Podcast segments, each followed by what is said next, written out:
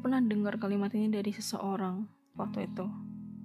Pokoknya gak semua pertanyaan atau permasalahan yang lagi kita alamin sekarang bakal kita temuin jawabannya dan solusinya tuh sekarang juga.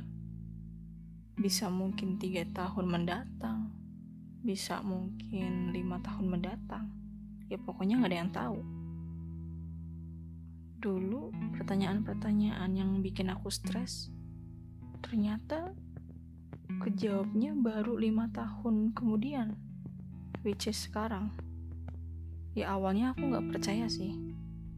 Tapi setelah aku pikirin nih perubahan yang selama lima tahun ini aku alami itu ternyata kerasa loh.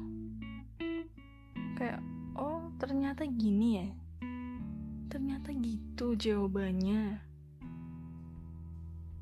Ya solusinya tuh ternyata ya banyak banget ternyatanya.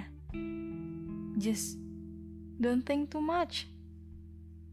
So mulai sekarang kalimat andalanya adalah don't think too much